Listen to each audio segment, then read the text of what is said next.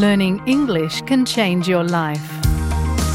You can improve your English and learn about Australian culture at the same time with SBS Learn English. Listen wherever you get your podcasts.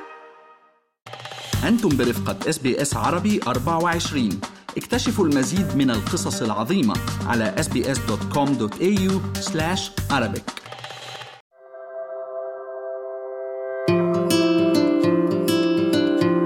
في رحلة الهجرة والحصول على الجنسية الأسترالية نجد أن هناك تجربة مثيرة تنتظر أغلب المهاجرين. إنها تجربة مفيدة ومميزة تتطلب بعض الجهد والتحضير. تتمثل هذه التجربة بمرحلة مهمة وهي اجتياز اختبار الجنسية الأسترالية. هذا الاختبار الذي يمثل البوابة التي يجب عليك اجتيازها للحصول على الجنسية الأسترالية. في هذه الحلقة من برنامج أستراليا بالعربي. معي أنا ريان برهوم. سنأخذك في رحلة حول هذا الاختبار المهم وسنقدم لك بعض النصائح القيمة من قبل خبراء في هذا المجال لمساعدتك في الاستعداد الأمثل لاجتياز اختبار الجنسية الأسترالية. أستراليا هي دولة متنوعة ومتعددة الثقافات بكل معنى الكلمة تضم أكثر من 270 عرقا وأثنية. مما يمنحها تنوعا فريدا حيث تفتخر أستراليا بأحد أقدم الثقافات المستمرة في العالم بالإضافة لاستقبالها ما يقارب من سبعة ملايين مهاجر منذ عام 1945 هذا التنوع الثقافي يشكل جزءا كبيرا من الهوية الوطنية الأسترالية. إذا كنت تنوي التقديم للحصول على الجنسية الأسترالية فإنه يجب عليك أولا أن تكون على دراية بالطرق المختلفة المتاحة لذلك. هناك طريقتان فقط للحصول على الجنسية وهما المنح. منح هذه الجنسية للأشخاص المنتمين إلى الدولة أو المقيمين بشكل دائم في الدولة وفق شروط معينة. الطريقة الأخرى هي النسب بحسب مبدأ حق الدم أي بالولادة في أستراليا أو في الخارج لوالدين يحملان الجنسية الأسترالية. وكلاهما يتضمن مجموعة من المعايير التي يجب أن تستوفيها قبل البدء في العملية. تشير الخبيرة في قانون الهجرة إيفا عبد المسيح إلى أن المعيار الأكثر أهمية في هذه العملية هو تلبية متطلبات الإقامة وبناء على تجربتها في مساعدة مئات الأشخاص على الحصول على الجنسية الأسترالية تؤكد على أهمية فهم هذه المتطلبات بعناية والعمل على تحقيقها بشكل صحيح. The residence requirement has specific criteria. One is that you need to been residing in Australia on any kind of visa as long as it's a lawful status for the last four years. And you should not have had absence during these four years of more than 12 months. And in particular, the last 12 months, the last year needs to be on a permanent residency, not temporary, and no absence more than 90 days within the last 12 months. بالإضافة إلى استيفاء متطلبات الإقامة هناك عدد من الشروط الأخرى التي يجب على المتقدمين للحصول على الجنسية الأسترالية البالغين من العمر 18 عاما وأكثر تحقيقها. يعتبر حسن الخلق والصفات الأخلاقية الدائمة أحد هذه الشروط الرئيسية. بالإضافة إلى ذلك يجب على المتقدمين أن يقدموا خططا للإقامة في أستراليا. أو أن يظلوا على اتصال أثناء تواجدهم في الخارج مما يشير إلى نيتهم الجدية في الاندماج في المجتمع الأسترالي. أما بالنسبة لمعرفتهم بأستراليا ومعنى أن يصبحوا مواطنين أستراليين فإن معظم المتقدمين سيخضعون لاختبار الجنسية والذي سيقيم معرفتهم بهذه الجوانب. If they are an adult so from the age of 18 to 59, they need to show that they have a basic uh, knowledge of English, they will need to sit to have an interview and sit for the citizenship test.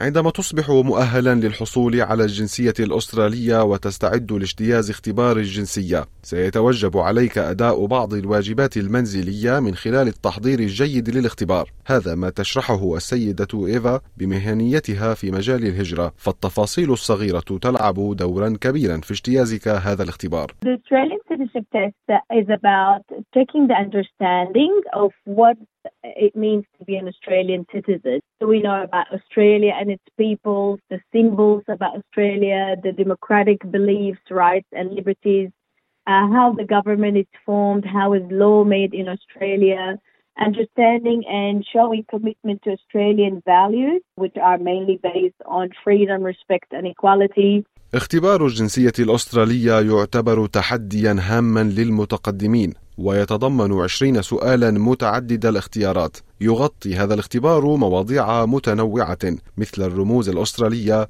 الأحداث التاريخية هيكل الحكومة حقوق ومسؤوليات المواطنة. Five of these 20 multiple choice questions are based on Australian values and you're not allowed to have any mistakes in any of them. So the, the pass mark for the test is 75%, which means it allows for some mistakes. But in the section about Australian values, no mistakes are allowed. If you lose one uh, question or if you fail on one question, that means you fail the whole test. يقدم موقع وزارة الشؤون الداخلية homeaffairs.gov.au نصائح قيمة للمتقدمين لاختبار الجنسية الأسترالية.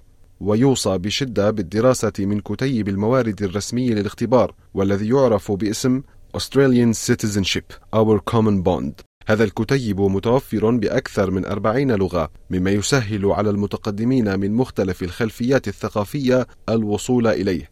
وفهم المحتوى بشكل جيد. بالإضافة إلى قراءة الكتيب يمكنك أيضا الاستماع إلى المحتوى من خلال رابط البودكاست المتاح على الموقع مما يمكن أن يكون وسيلة مفيدة للتعلم ولحفظ المواد بشكل أكثر تفصيلا وبطريقة ممتعة. لضمان نجاحك في اختبار الجنسية ينصح بشدة بفهم المعلومات الموجودة في كتيب. Our Common Bond إذا كنت بحاجة إلى تدريب إضافي يمكنك أيضا البحث على الإنترنت عن مواقع تقدم اختبارات تدريبية مجانية تحاكي الاختبار الفعلي تساعدك هذه المواقع على تقييم مستوى معرفتك والتحضير بشكل أفضل. أخيرا يمكن أن تكون تطبيقات الهاتف المحمول أيضا وسيلة مفيدة للوصول إلى المعلومات والتدريب بسهولة وتوفير قدر أكبر من المرونة في التعلم. These phone apps, I find them very helpful. I always encourage my clients to download them and do them, you know, every night. Just spend half an hour, an hour. There's also, like on YouTube, there is videos about it. توضح السيدة إيفا أهمية فهم الفروع الثلاثة للحكومة الأسترالية والنظام البرلماني الفيدرالي ودور الحاكم العام هذه المعرفة ستساعدك في التفاعل مع النظام السياسي الأسترالي وفهم آلية عمل الحكومة واتخاذ القرارات يشدد اختبار الجنسية على الأحداث الأسترالية المهمة وقد يتضمن أسئلة حول المساهمات الهامة التي قدمها السكان الأصليون والمجتمع المتعدد الثقافات في تاريخ أستراليا. لذلك يجب أن تكون مستعدا للإجابة عن هذه الأسئلة بدقة. من المهم معرفة أن اختبار الجنسية متاح باللغة الإنجليزية فقط، لذلك يجب عليك أن تكون قادرا على فهم اللغة بشكل جيد. من الأفضل التدرب على القراءة وزيادة المفردات الإنجليزية لضمان قدرتك على فهم الأسئلة بدقة والإجابة عليها بنجاح. بالتدريب والاستعداد الجيد يمكنك زيادة فرص نجاحك في اجتياز الاختبار والحصول على الجنسية الأسترالية بنجاح. When clients come to me, I straight away encourage them to start preparing for it. And part of the preparation is listen to the news in English, read newspapers in English, do the, the practice test at least once a week. Because when we lodge today, they don't get the test straight away. There is a good gap of six to nine months. تقدم إيفا بعض النصائح القيمة وبعض الأخطاء الشائعة والتي يجب تجنبها خلال اختبار الجنسية. واحد قراءة الأسئلة بعناية. اثنين الالتزام بالوقت المحدد وثلاثة تجنب التسرع في اختيار الإجابة. We are given an option to do the test three times but after the third time there is no option. It will be refused and then we'll have to apply a fresh application. إن توجيه المهاجرين الجدد واللاجئين والمقيمين الدائمين في استعدادهم لاختبار الجنسية هو جهد قيم ومهم تقدمه منظمات المجتمع المحلي مثل SydWest Multicultural Services. و Southern Migrant and Refugee Centre هذه المنظمات تلعب دورا حيويا في تقديم المساعدة والدعم لأولئك الذين يسعون للاندماج في المجتمع الأسترالي والحصول على الجنسية الأسترالية. الدورات والدروس التي تقدمها هذه المنظمات تساعد المهاجرين على تحسين مهاراتهم اللغوية وفهمهم للمواد المطلوبة لاجتياز الاختبار بنجاح. يتم تقديم هذه الدروس عادة من قبل مدربين ذوي خبرة يمكنهم توجيه الطلاب خلال العملية والإجابة على استفساراتهم. تقدم هذه الجهود الدعم الضروري لأولئك الذين يسعون لتحقيق الجنسية الأسترالية والاندماج بنجاح في المجتمع. إن توجيه ودعم المجتمع المحلي يسهم بشكل كبير في توفير الفرص للمهاجرين لبناء حياة جديدة ومستقبل أفضل في أستراليا. تشرح فيكي هاين من منظمة سيد ويست. In bringing people together to learn about their new country and how to navigate through services and all the kinds of things you need to know when you're settling in a new country, it became apparent very quickly that people needed support and help with preparing for the citizenship test and to understand how important it is to have citizenship here for the security that it offers. من الجدير بالذكر أن هذه الدورات متاحة لمختلف المهاجرين من جميع الخلفيات. Pretty much it's anybody who's in the eligibility for settlement services, which is like the first five years of your arrival in Australia. You don't have to be a refugee, it's anybody, any type of migrant.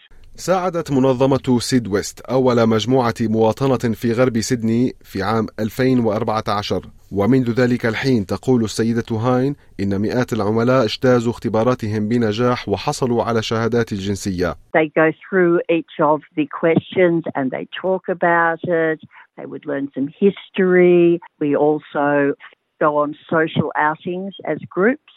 Explain the layout of the land. You know, we might go up to Katoomba and at the same time talk about the history of Australia being opened up by explorers. It's working your way through all the questions, fully understanding them. So that you fully understand what it means to participate as an Australian citizen. إن فهم الحقائق والأرقام والتواريخ المتعلقة بأستراليا هو جزء مهم من الاستعداد لاختبار الجنسية ولكن الاحتضان والتفاعل مع الثقافة الأسترالية يعزز أيضا فهمك الشامل للأمة وقيمها Join social groups like the type that we coordinate. You get to speak to other people from different countries, different languages, and you're all practicing your English together in a casual social setting. You know, it's about the barbecue, the picnic, learning about the, the flora and the fauna that might be in that park. So, yeah, everything is a learning experience. استمعوا إلى آخر إصدارات اس بي اس عربي 24 على جميع منصات البودكاست. تابعوا بودكاست الهوية في موسمه الثاني الذي يروي قصصا واقعية تعكس تحديات الانتماء التي يواجهها الشباب العربي في أستراليا.